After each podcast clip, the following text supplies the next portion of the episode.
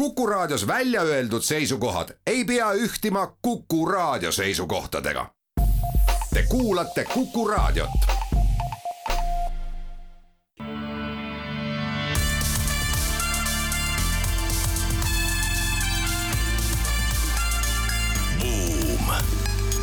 buumile annab hoogu SEB Pank tere päevast, on kümnes mai aasta kaks tuhat kakskümmend kolm, oleme taas eetris Buumi saatega, saatejuhid Ott Pärna ja Anto Liivat. tänase uudisteploki avame aruteluga sellest, kas ning kuivõrd on Euroopa eluasemeturg murdepunkti lävel edasi räägime sellest, et maailm muutub betooni valamise tõttu igal aastal hallimaks ja seepärast uurime, kas leidub tsemendile ka mõnda keskkonnasõbralikumat alternatiivi. IBM on andnud teada, et lõpetab värbamise töökohtadele, kus tehisintellekt saavutab paremaid tulemusi. edasi räägime ühe McKenzie mahuka uuringu põhjal sellest, millised on kümme suurimat muutust, millega organisatsioonid peavad täna silmitsi seisma meie tänane saatekülaline on SEB ärikliendi haldur Andres Angerjärv, kellega arutleme elamumajanduse ning äh, korterelamute renoveerimise teemadel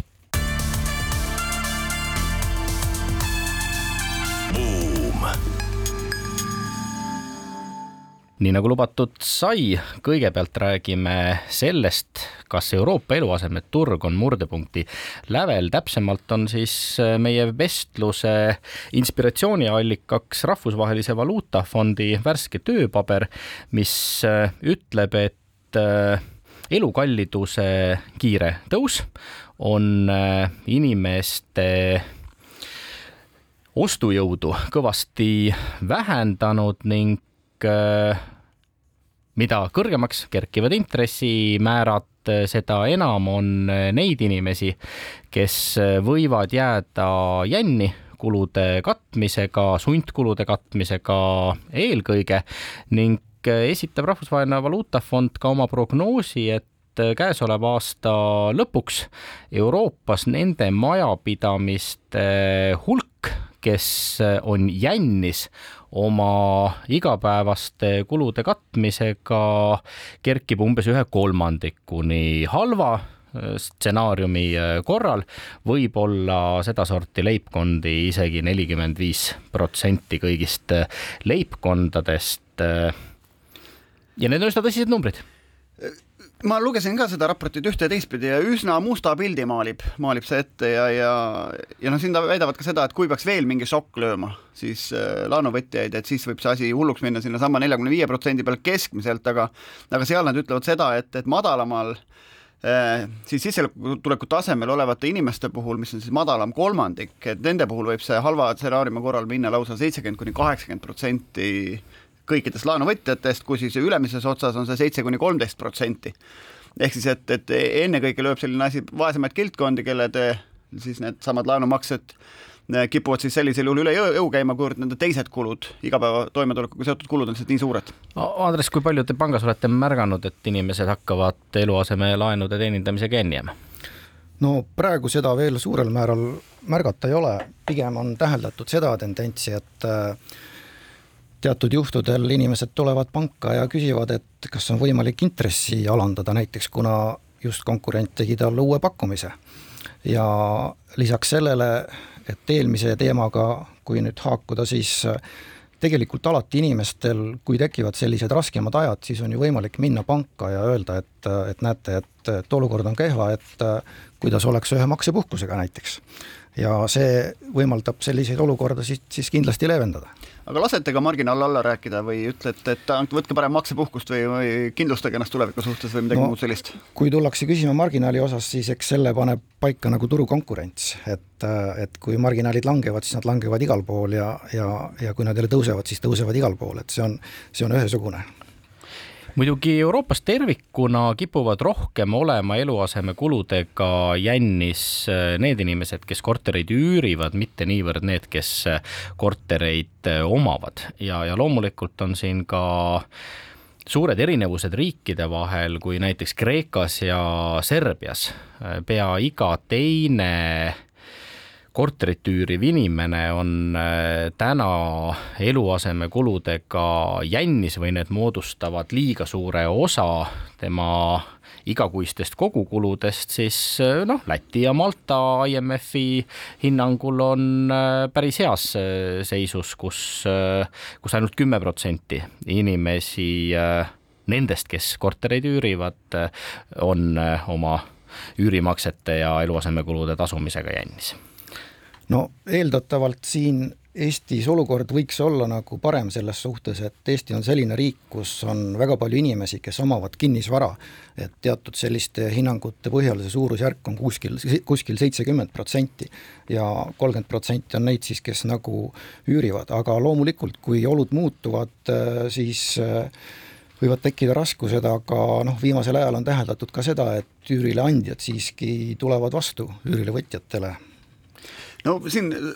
täna hommikul tuli välja ka Eesti Panga siis arvamus kõigest sellest ja, ja ütlevad ka, et Eesti pankade ütleme, kapitalipuhvrid on piisavad, et kui ka peaks jama tulema, et küll nad siis äh, selle ära klativad ja ka omalt poolt võttes ei pruugi tähendada kliendi poolt, kelle maksed on kasvanud ja kui, kui sa ei suuda teenindada, siis on pangal võimalus alati see tagatises olnud kinnisvara siis ju enda kätte võtta. ja pankade puhul muret, ma arvan, vähendab ka see, et ma vaatan siinsama, et Kuku raadio see kraanaindeks meil näitab, et on viis kraanat Kuku raadio akna taga. siin headel aegadel oli kümme pluss neid kraanasid, et, et tegelikult ehitatakse vähem peale mistõttu isegi kui osa kinnisvara peaks nihkuma pankade kätte, siis pikas vaates selle väärtus niikuinii kasvab, ehk siis see ei tähenda laenukahjumeid pankadele. No loodetavasti selleni ei jõuta ja üldiselt on niimoodi, et era, era, era tähendab eraisiku laenud, laenusid ja kodulaenusid väljastatakse ikkagi suhteliselt konservatiivsetel põhimõtetel. Ja ega pank ei ole huvitatud ju selle kinnisvara oma, omamisest, et pigem tõesti noh, nagu juba mainitud, siis sellises olukorras tehakse maksepuhkus ja klient saab sellest raskest olukorrast üle ja jätkab hiljem nagu jälle oma maksetega edasi. kuidas te ise hindate, kaugeks see kõrge intress just, mis puudutab Euribori tasemest nagu jääb kehtima, et, et mis te ise prognoosite? jah, eks seda on raske hinnata, see sõltub ka sellest üldisest inflatsiooni tasemest ja noh, siin selle aasta vaates räägitakse siis neljast protsendist, et edasi on, on raske nagu ennustada praegu. no keskpankade eesmärk on kaks, ehk siis et hoiavad intressi jupp aega veel üleval jah, ilmselt sõltub, kuidas tervikuna see olukord kujuneb, aga noh, loodame kõik, et ta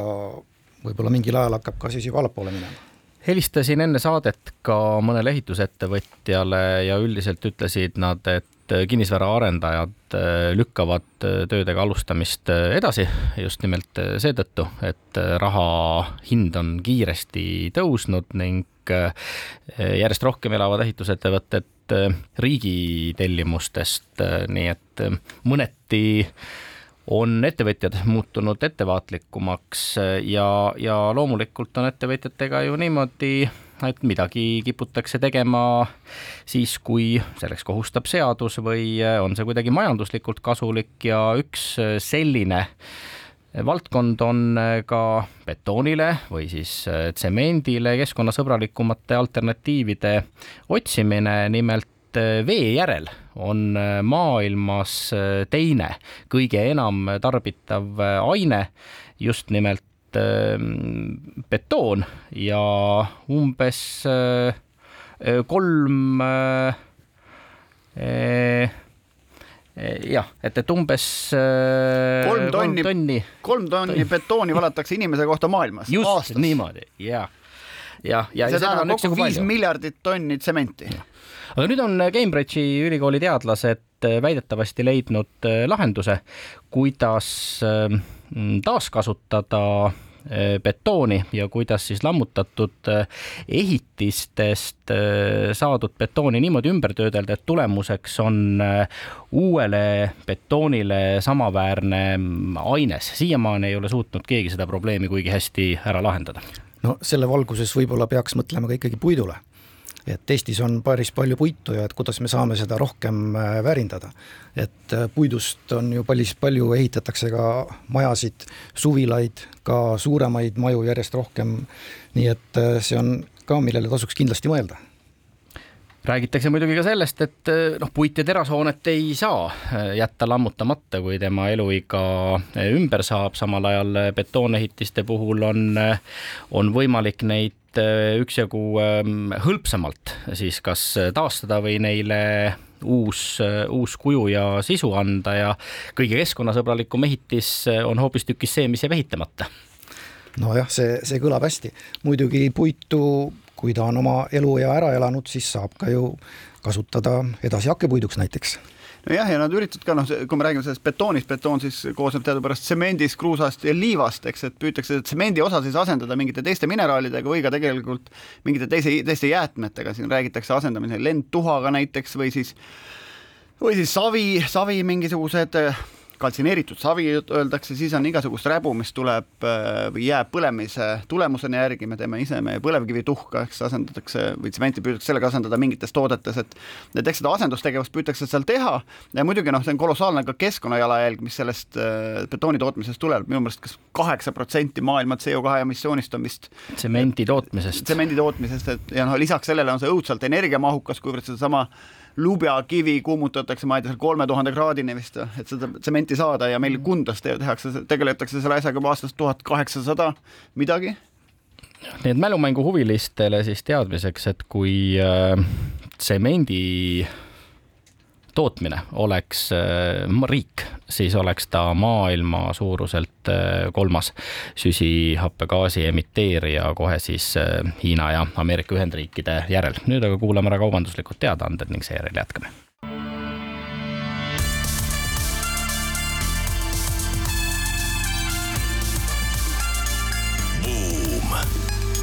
buumile annab hoogu SEB Pank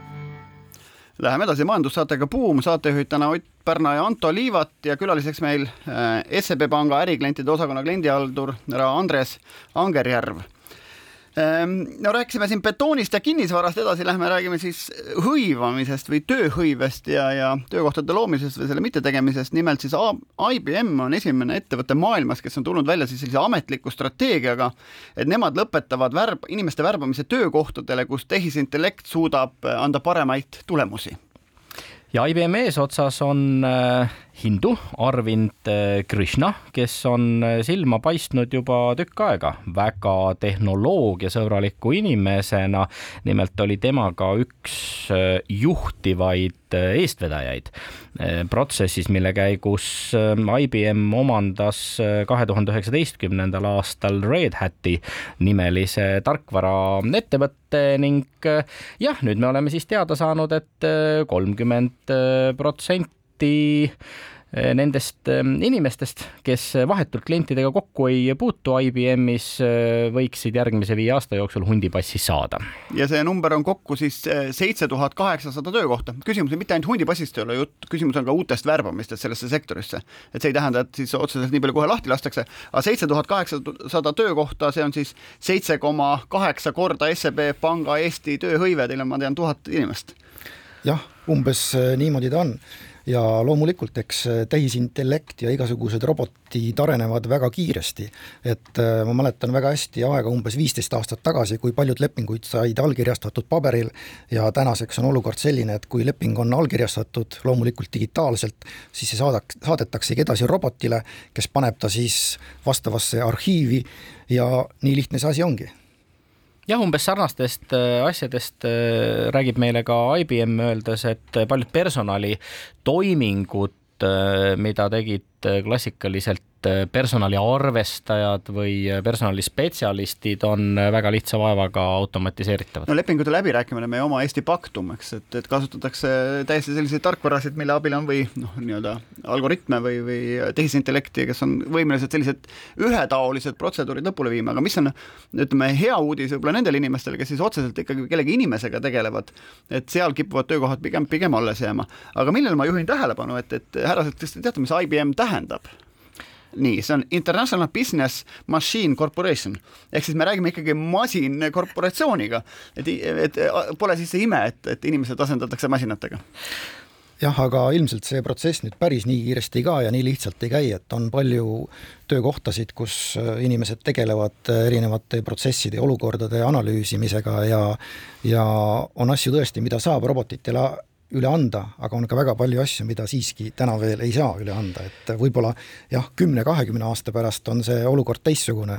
aga ilmselt praegu ta võtab veel aega. no mina ootaks esimest ettevõtet, kelle tegevjuht on äh, ai või siis tehisintellekt. elame-näeme, äh, nõukogude töösse on neid ju juba ka kaasatud.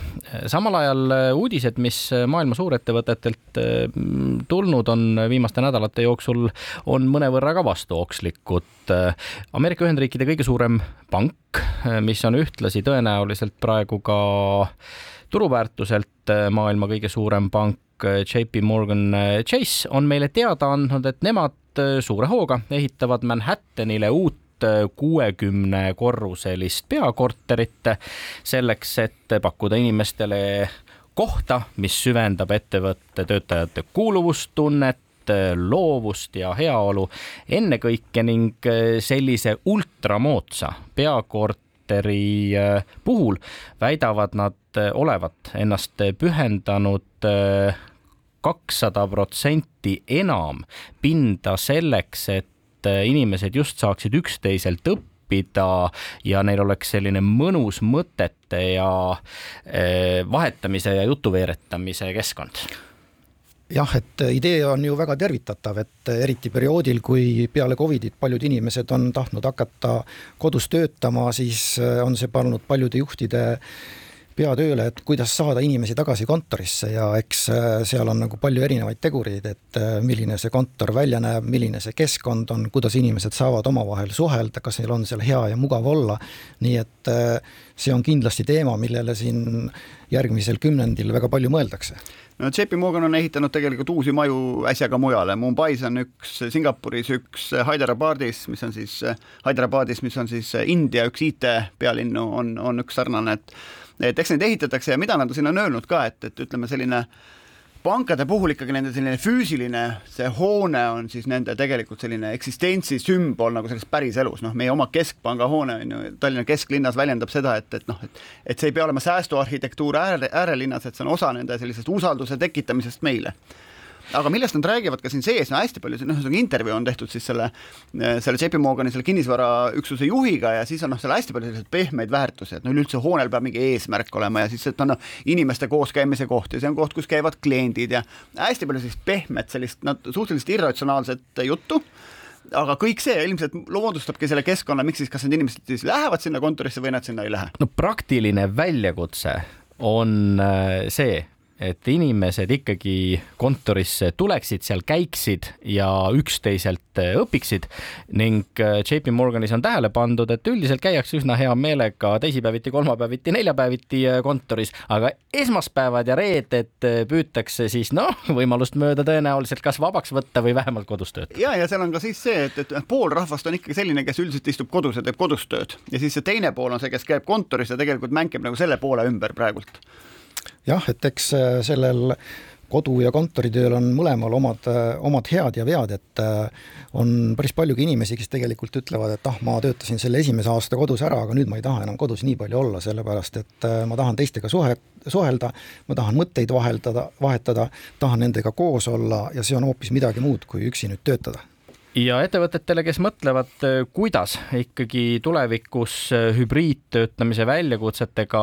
rinda pista ning eh, oma kinnisvaraarendust korraldada, siis JP Morgani kinnisvarapealik juhib ühtlasi tähelepanu sellele, et tõenäoliselt on virtuaalreaalsus ja sellega seotud lahendused need, mis tulevikus võimaldavad ikkagi ka virtuaalkeskkonnas oluliselt enam tunda ennast kolleegidele lähedal olevat ning eh, nad oma uue peakorteri ehitamisel on sellega püüdnud ka kõigiti arvestada, et need virtuaalreaalsuse lahendused eh, oleksid siis eh, seal kontoris võimalikult hästi kasutatavad. no mille üle nad siin ka kõvasti pead murravad, on see, et kui need inimesed ka tulevad kontorisse, et nad siis ikkagi ei chati üksteisega nagu arvuti vahendusel, vaid et kuidas tekitada sinna majja kohti ja põhjuseid, et need inimesed kuskil kokku saavad, noh, ühised söögikohad, ühised korrused igasuguste seminaride, konverentside, asjade korraldamiseks, et et, et justkui püütakse siis seda koostööd või neid introverte siis ekstravertideks teha ja ikkagi suhtlema panna maja sees. ehk siis kellegi otsa ei tohi enam vaadata kurja pilguga sellepärast, et ta töö juures olles ei istu arvuti taga selleks ei olegi tuleviku kontoripinnad enam äh, loodud, vastupidi, nad ongi mõeldud äh, selleks, et inimesed omavahel suhtleksid ja, ja, ja lobiseksid. ja võib-olla ka ühte küsimust küsida, et siis, et, et mis on see keskkond, kus sa tegelikult tahad olla, et ma ikkagi alati armastan garaaži paralleeli tuua, et kui ma tahan seal garaažis olla, suuski määrida ja motikat putitada, on ju, et, et mis on see hing mu selles töökontoris, kus need inimesed võiksid tahta tulla, mis seal veel toimub peale töö näiteks, mis seal õhtuti toimub McKinsey on äh, oma mahuka uuringu varal andnud äh, teada kümnest suurest muutusest, millega organisatsioonid äh, silmitsi seisavad. üks nendest on tõesti juba tehisintellekti mõju, millest me oleme rääkinud, aga väga palju räägitakse ikkagi ka organisatsiooni tervisest ja sellest, et inimestel peab olema psühholoogiliselt Äh, ettevõttes äh, hea olla ning nad on äh, välja toonud ka selge majanduslikku mõju, näidates, et need ettevõtted, mida iseloomustab kõige parem organisatsiooni tervis, on ühtaegu ka oma konkurentidest üksjagu kasumlikumad pikaajaliselt. no siin on, sealsamas raportis tuleb põnevaid mõtteid teisigi välja, näiteks see et, et, et viiskümmend protsenti kõikidest küsitletud ettevõtetest tegelikult ei ole uuteks kriisideks valmis mis tähendabki ilmselt e-, mõju ja ebastabiilsust nende töötajatele, kui siis mõni kriis peaks peale tulema.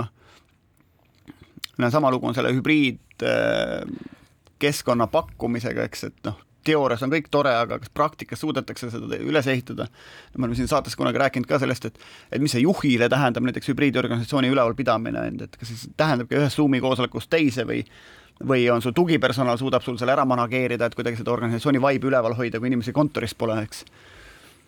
jah, et eks see ongi suur väljakutse organisatsioonidele, et ühelt poolt Zoomis on neid koosolekuid ja väga tore teha, et keegi ei pea kuskilt kohale sõitma ja kõik on korraga koos, aga kui need koosolekud ongi ainult Zoomis ja reaalselt inimesed kokku ei saa, siis ühel hetkel tekibki see tunne, et aga see ei ole nagu see päris, et, et me oleme organisatsioon ja tervik, me tahame koos olla ja koos käia, koos midagi teha. no ja siin räägitakse, nelikümmend protsenti inimestest on valmis või soovivad järgmise kolme kuni kuu jooksul töökohta vahetada, et küsimus, kuidas sa neid inimesi kinni hoiad, kas siis neid või, või neid teisi, kes jäävad, on ju, et me teame, et, et uue töötaja leidmine viis korda kallim kui olemasoleva nii-öelda hoidmine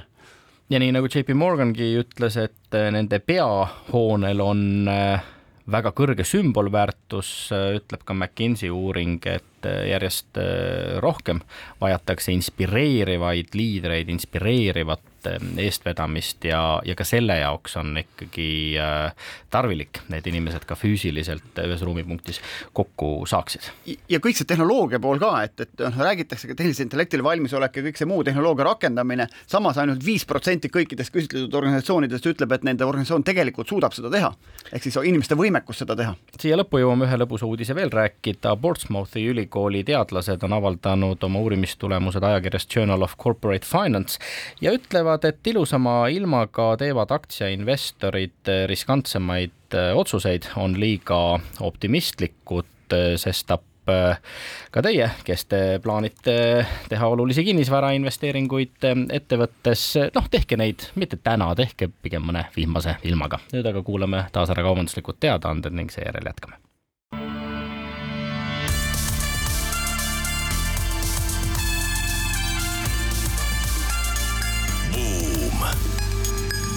buumile annab hoogu SEB Pank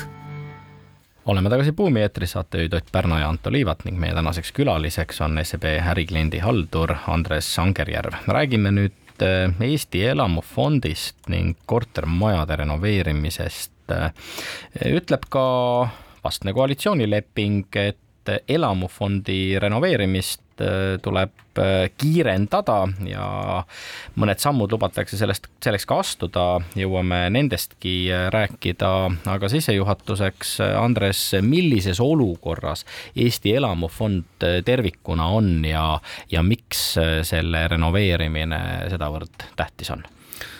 no ütleks kõigepealt mõningad faktid, et äh, siin arvestatakse et, et kuni üheksakümmend protsenti kortermajadest on ehitatud enne tuhande üheksasaja üheksakümne esimest aastat ja sellest omakorda kuuskümmend üks protsenti nõukogude ajal aastatel tuhat üheksasada nelikümmend kuus kuni tuhat üheksasada üheksakümmend, mis iseenesest on juba ilmestav fakt, et, et need elamud on jõudnud piisavasse vanus, vanusesse ja neid moel või teisel tuleb hakata renoveerima. muidugi nende renoveerimistega on alustatud juba varem, et alates sellest, kui on meil uus Eesti Vabariik ja mõned aastad siis natukene edasi juba sellest ajast äh, korteriühistud seal vahetavad katust, äh, renoveerivad oma soojasõlmesid ja nii edasi. aga kui rääkida veel mõningatest numbritest, siis äh, on välja öeldud, et umbes viiskümmend protsenti meie elamufondist vajab renoveerimist umbes kolmkümmend protsenti on sellised elamud, kus on kõik enam-vähem korras ja siin kahekümne, kolmekümne aasta jooksul võib-olla kakskümmend protsenti elamu, elamufondist äh, võib üldse nagu kasutusest välja langeda, sest see seisukord ei ole enam niivõrd hea. mis renoveerimisest me tänasel päeval rääkida saame, kui inimesed on oma igapäevaste sundkulude katmisega jännis või kuivõrd te näete äh, panga poolt äh, ühistute poolset huvi elamuid renoveerida? No tegelikult see huvi on püsinud üsna stabiilsena, sest selleks äh, renoveerimiseks on mitte ainult sellised põhjused, et midagi laguneb, aga kuna ka sooja hind ja muude kommunaalkulude hind on tõusnud, siis äh, maja täisrenoveerimise korral on võimalik saavutada oluline kulude kokkuhoid pluss sisekliima paranemine. siin erinevate hinnangute põhjal äh, soojustamise korral on võimalik saavutada sooja kokkuhoidu kolmkümmend kuni kuuskümmend protsenti ja kui nüüd tehakse täisrenoveerimine, mis siis äh, tagab ka uue ventilatsioonisüsteemi kasutuselevõttu, siis ka sisekliima muutub paremaks. nii et äh, Eestis on, mida siin lähematel kümnenditel teha kuidas selline korterelamu renoveerimise protsess samm-sammult äh, välja näeb ja, ja millised osapooled sellega seotud on? Jah, et äh, alustuseks siis, kui korteriühistu üldkoosolek ja juhatus leiavad, et on aeg hakata midagi tegema, siis tuleb kõigepealt plaan kokku panna, et mida siis soovitakse üldse teha, kas selle jaoks on võimalik mingisuguseid toetusi saada, mis need tööd võiva, võivad maksta. Ja kui mõte on olemas, siis äh, ilmselt tulekski sammud seada panka ja rääkida läbi, et et, et millist finang-, finantseeringut, millises mahus, kui pikaks ajaks on võimalik saada ja siis saab juba täpsemalt välja arvutada, et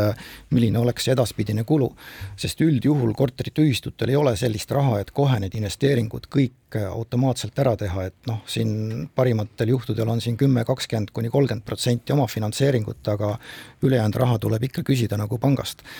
ja kui selline esialgne nägemus on olemas, siis äh, võib-olla korteriühistu juhatusele langebki selline kõige suurem töö, et äh, tuleb hakata nüüd juba täpsemalt äh, vaatama, et et mida siis teha, kust võtta need ehituspakkumised, kui taotletakse toetust, siis KredExiga läbi rääkida, võtta endale sinna nõustajad, nii et see ettevalmistusprotsess on omajagu pikk ja, ja ka väga oluline, et need tööd saaksid siis hästi plaanitud, projekteeritud ja hiljem juba hakata neid läbi viima kas ühistud äh, värbavad selleks äh, professionaalse projektijuhi või, äh, või saavad nad kuidagi oma jõududega reeglina hakkama? on nii või naa, aga kui korteriühistu taotleb toetust, siis ta saab endale võtta KredExi poolt sellise nõustaja, kes on kõigi nende teemadega väga kursis ja kes aitab neid projekte ette valmistada ja pakub siis omapoolset igakülgset abi sellele korst-, korteriühistu juhatusele no? Siin aasta kaks tuhat seitse uudis oli see, et kui Mustamäe vanim korruselamu lammutatakse, aga see korruselamu juhtus olema Tallinna Tehnikaülikooli oma üks ühikatest ja, ja, ja kus on arusaadav, et üks omanik lammutataksegi ja ehitati uus asemele. et kui lihtne või raske on siis või kas üldse on Eestis tehtud seda, et, et siis noh, korteriomanikud kõik tulevad kokku, ütlevad, et okei okay,, meil tasub tegelikult see hoone maha võtta, ehitame selle asemele uue, seetõttu, et me teame ju, ega meil seda Õismäge, Lasnamäge, Mustamäge nagu noh, sajandeid ei saa renoveerida, et üks hetk peab hakkama maju asendama, et kas ka seal on mingeid, ma ei tea, ärimudeleid, eeskujusid, midagi tehtud juba? jah, et siin noh, pakutakse, et elamute vanus võiks olla viiskümmend kuni sada aastat, et see on selline nagu oodatav eluiga. sellist näidet muidugi, kus nüüd korteriomanikud oleks kokku tulnud ja otsustanud, et vot lammutame selle maha ja ehitame uue, et, et meie, meile teadaolevalt ei ole, et ilmselt on siis lihtsam Äh, see maja lihtsalt äh, jätta sinnapaika ja osta endale kuskil uues majas uued korterid. aga samas on nii, et äh, kõik need või ütleme siis suurem osa nendest elamutest, mis on, on täna veel sellises seisukorras, et neid on võimalik renoveerida. ja elamute puhul ongi oluline see, et neid siis õieti ekspluateerida, hooldada ja näha ära see koht, et kui tekivad kriitilised olukorrad ja siis mitte, mitte neid nagu vältida, vaid hakatagi nende töödega tegelema. et praegusel hinnangul ikkagi suur osa nendest kortermajadest, mis on, neid on võimalik veel renoveerida. no seal tihtipeale väljakutse on seotud ka korteriomanike mõnevõrra erinevate ootuste ja viisakalt öeldes elukaarefaasiga eakamad inimesed ei pruugi olla ühistus samavõrd motiveeritud äh, renoveerimise teekonda ette võtma kui, kui nooremad jah, eks äh, paljudes majades selle üksmeele leidmine ongi võib-olla vaatad veel kõige suurem küsimus üldse kogu selle renoveerimisprotsessi juures, et äh, noh, osad tahaksid teha tahaksid edaspidi neid kulusid kanda võtta ja osad mitte, aga kui rääkida pensionäridest, siis tegelikult äh, on siin väga palju näiteid, kus pensionärid on ühed kõige sellised kohusetundlikumad maksjad ja, ja, ja tihtipeale ka innovaatilised inimesed, kes on nende uuendustega nõus ja tahavad neid projekte nagu läbi viia, nii et, et võib-olla see äh, vanuseline selline vaade ei olegi alati kõige määravam. aga kuivõrd määrav on sellise välise brokeri või asjaosalise olemasolu, kes kuidagi konsolideerib seda huvi või midagi, sest ma tean, Tallinna linnas nimelt tahetakse teha rattaparklaid kortermajade juurde. Ja mitte kõik majad ei ole huvitatud parklatest, vähemasti mitte oma territooriumile. Ja sealjuures ma saan aru, kui linn läheks nagu appi viisil või teisel, üks asi on muidugi linn oma maad pakub, nende jaoks on hea, aga linn raha niikuinii pakub, eks. et, et me ikkagi need, need parklad saaksime jah, eks Tallinna linn ongi teinud nagu erinevaid programme nende korterelamute erinevate projektide toetuseks ja mis puudutab rattaparklaid, siis natukene on see kinni ka nende korterelamute initsiatiivis, et noh, kui palju on seal siis selliseid inimesi, kes ratast sõidavad ja, ja ratast kasutavad ja, ja kui neid on nagu piisavalt palju, siis on nende häälejõud on suur ja nad saavad oma selle parkla ikkagi tehtud mul oleks võib-olla natuke teist laadi küsimus, et, et eh, need vanad kortermajad, mis on tihti nagu võib-olla kütet läheb rohkem ja arve on selles mõttes suurem, eks, aga aga ma kahtlustan, et, et inimesed on eh, õnnelikumad nendes majades, kuivõrd need majad on nagu harvemini kui täna ehitatud uued majad ja me näeme uusi elamurajoone, kus majade tihedus on nagu märksa suurem ja, ja siin erinevatelt äh, nagu ametkondadelt on ka kuulda, et inimesed vastasmajades on üksteisega tülis seetõttu, et majad on nagu liiga lähestikku ja inimesed lähevad oma siis kallisse, kallilt ostetud korterisse ja on ikkagi õnnetud, et et olete te ka mingit sellist teemat kuulnud? No seda otseselt ei ole, aga kui jah, rääkida veel selliste vanemate majade renoveerimisest, siis inimesed ju millegipärast äh, lähevad tihtipeale Tallinnas Kalamajasse ja, ja Tartus Supilinna tahavad minna elama, et, et see keskkond ja see miljöö ja need äh, majad, mida nad tegelikult siis tahavad renoveerida, on nende jaoks just see keskkond, mida nad ootavad ja otsivad. kuulame nüüd taas ära kaubanduslikud teadaanded ning jätkame seejärel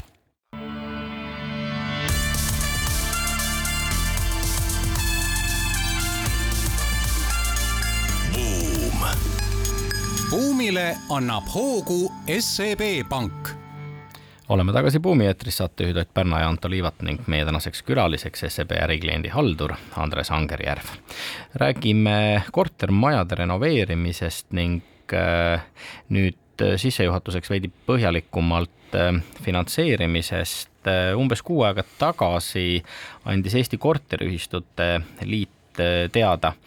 et riigi toetusraha kõigile siiski ei äh, jätku ning äh, kaheksakümmend miljonit eurot toetusraha äh, on taotlustega kaetud loetud tundide jooksul, ehk siis ühelt poolt korteriühistute tung maju korda teha on väga suur, aga soovijaid on samas palju rohkem, kui tänane toetusraha maht suudab ära katta, kuivõrd üldse ilma toetusrahata korterelamuid renoveeritakse jah, korterelamuid renoveeritakse ka ilma toetusrahata, aga seal ongi see küsimus, et äh, siis reeglina see renoveerimise maksumus on väiksem, mis tähendab, et äh, teatud tööd jäävad ära, näiteks tüüpiline on see, et äh, tehakse küll maja soojustamine, aga ventilatsiooni ei tehta. noh, ventilatsiooni jaoks tehakse lihtsalt sellised väiksed tõmbekapid, mis loomulikult ei ole võrrelda siis, võrreldav siis kaasaegse ventilatsioonisüsteemiga aga jah, et seda, et seda tuleb ette ja eks korteriühistu, kui ta planeerib oma töid, noh, siis see ongi mõtlemise koht, et, et mis on see maksumus siis, tööde maksumus, kui on võimalik toetust saada, millise hinnaga saab need tööd nagu ilma toetuseta. Ja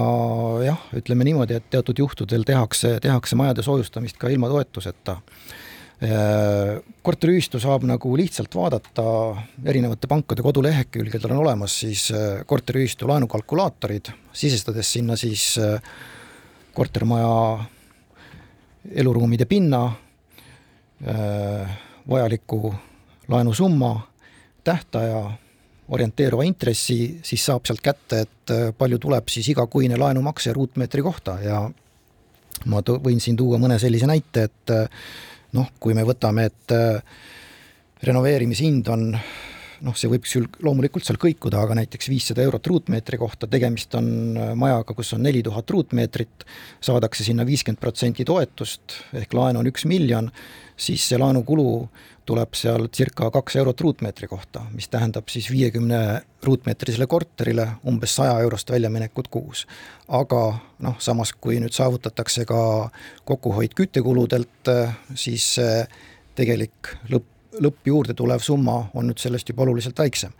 ja noh, ongi sõltuvalt nüüd erinevatest äh, planeeritavatest töödest, erinevatest asjaoludest, äh, korteriühistu peab siis lõpuks langetama selle otsuse, et millist teed minna, et kas taotleda toetust, mitte taotleda, aga jah, see, et äh, taotluse voor sai ühe päevaga täis, see näitab seda, et tõesti huvi oli suur ja ja väga paljud nagu soovivad teha seda renoveerimist täismahus me oleme rääkinud praegu sellest renoveerimisest nagu sellise funktsionaalses mõttes, et me tahame hooneid kuidagi noh, säästlikumaks ja vastupidavamaks teha, aga räägiks ka esteetilisest poolest, et meil avaliku sektori hoonete puhul on näiteks kunstiteoste tellimise seadus, on ju. et, et kuivõrd need majad, mida ehitatakse need mäed on meil suured tegelikult, kuivõrd seal nagu selliseid arhitekte ligi lastakse, et see nagu see uus tulem ka nagu esteetiline oleks või on ikkagi need ehitajad ise teevad projekti ja panevad fibo seina ja krohvivad üle ja asi moos?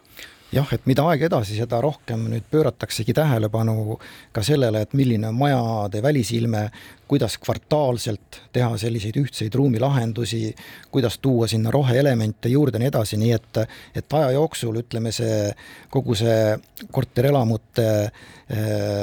arendamine on järjest liikunud nagu uuele ja uuele tasemele, et kui kunagi alustati sellest, et vahetati ainult katust või soojustati otsaseinu, siis praegu mõeldakse täpselt nendele elementidele, millest sa enne rääkisid. aga see pank või KredEx, keegi sellist nõustamist ka pakub, et kui juhtub, et see korteriühistu esimees ei ole hea maitsemeelega inimene, et, et kas siis on võimalik sellist abi saada? No, või juhti, tähelepanu juhtimist? eks selle, eks need asjad arutatakse üldkoosolekul läbi ja tavaliselt majas on ikka inimesi, kes siis pöörab nendele asjadele tähelepanu, nii et, et see nagu enam selline probleem ei ole otseselt. milline on korterelamute renoveerimise regionaalne jaotus, olete te seda jälginud, kas ka seal on niimoodi, et Tallinn ja Tartu linn äh, võtavad lõviosa kõigist vahenditest ära või, või ähm, nendes äh, keskustes sooritatakse valdav osa renoveerimistöid? no kui vaadata seda viimast taotlusvooru, siis tegelikult äh, taotlusi tuli igalt poolt üle Eesti, mõni piirkond oli küll välja jäänud, aga üks pluss, mis tänasel päeval on toetustega, on see, et ka siis äh, ütleme, sellistes kallimates piirkondades on toetused väiksemad ja, ja väljaspool selliseid suuremaid keskuseid on toetused suuremad. et see kindlasti annab ka paremad võimalused nagu teistes piirkondades olevatele korteriühistutele saada finantseeringut kas kasutatakse ka uuemaid materjale, ma tean, tavaliselt pannakse penoplasti seina ja siis krohvitakse, aga kas siis äh, on ka, ma ei tea, et need majad hingaksid ja, ja kuidagi selline elukeskkond tõesti parem oleks? Jah, kõik see areneb kuni sinnamaani välja, et äh, kasutatakse ka ju nüüd äh, tehases valmis toodetud seinasid, mida siis tõstetakse paika ja mille paigaldus läheb oluliselt kiiremini ja mida aeg edasi, seda loomulikult lisand-, lisanduvad uued, uued tehnoloogiad, mis tagavad siis lõppkokkuvõttes kogu selle tööde teostuse parema kvaliteedi ja pikema eluea. me oleme kuulnud ka ehitusettevõtjate kriitikat äh, selles osas, et äh, väga kiiresti ei ole siiski võimalik Eesti elamufondi renoveerida, ka sina, Andres, mainisid, et äh, praktiliselt iga teine elamu renoveerimist täna vajab, kuivõrd te tajute või tunnetate, et et, et meie suutlikkus, ehitusettevõtjate suutlikkus neid renoveerimisprojekte teostada, tähtaegselt lõpule viia, on, on ikkagi piiratud?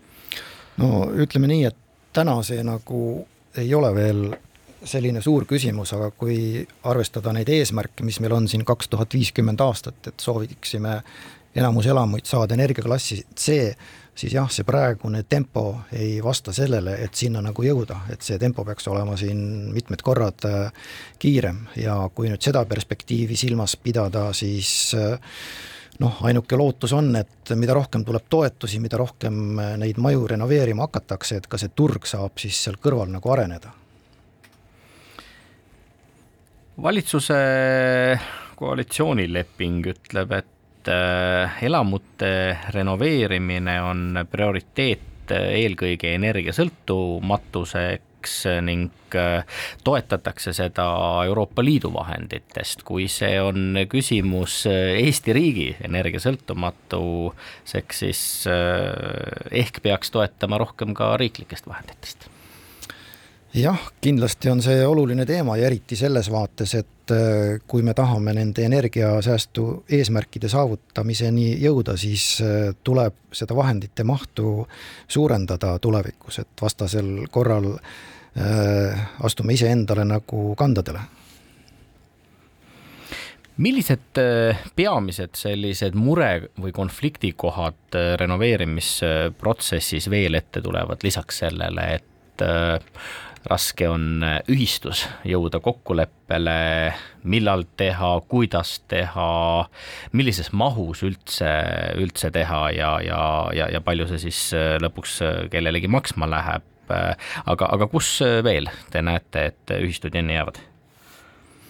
no eks ilmselt see esialgne jah, see planeerimise ja ettevalmistuse protsess ongi võib-olla keerukam, et äh, hiljem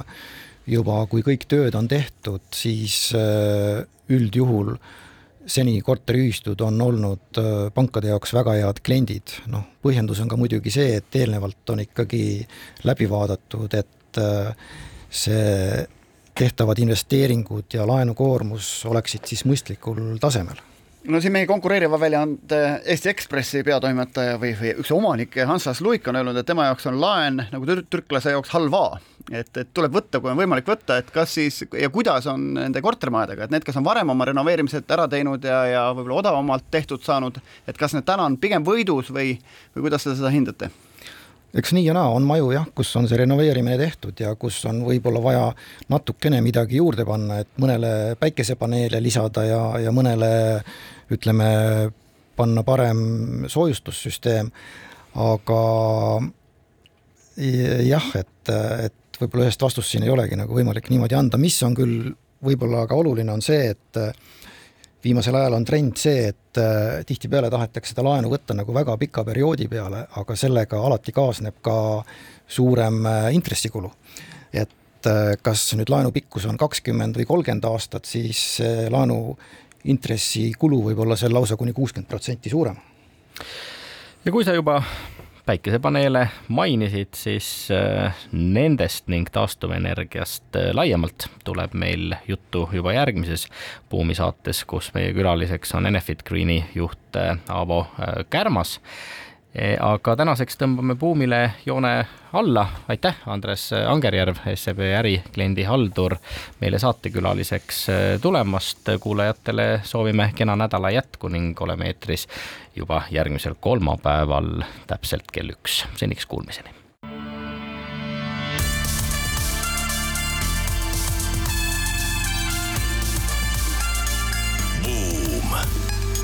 Buumile annab hoogu SEB Pank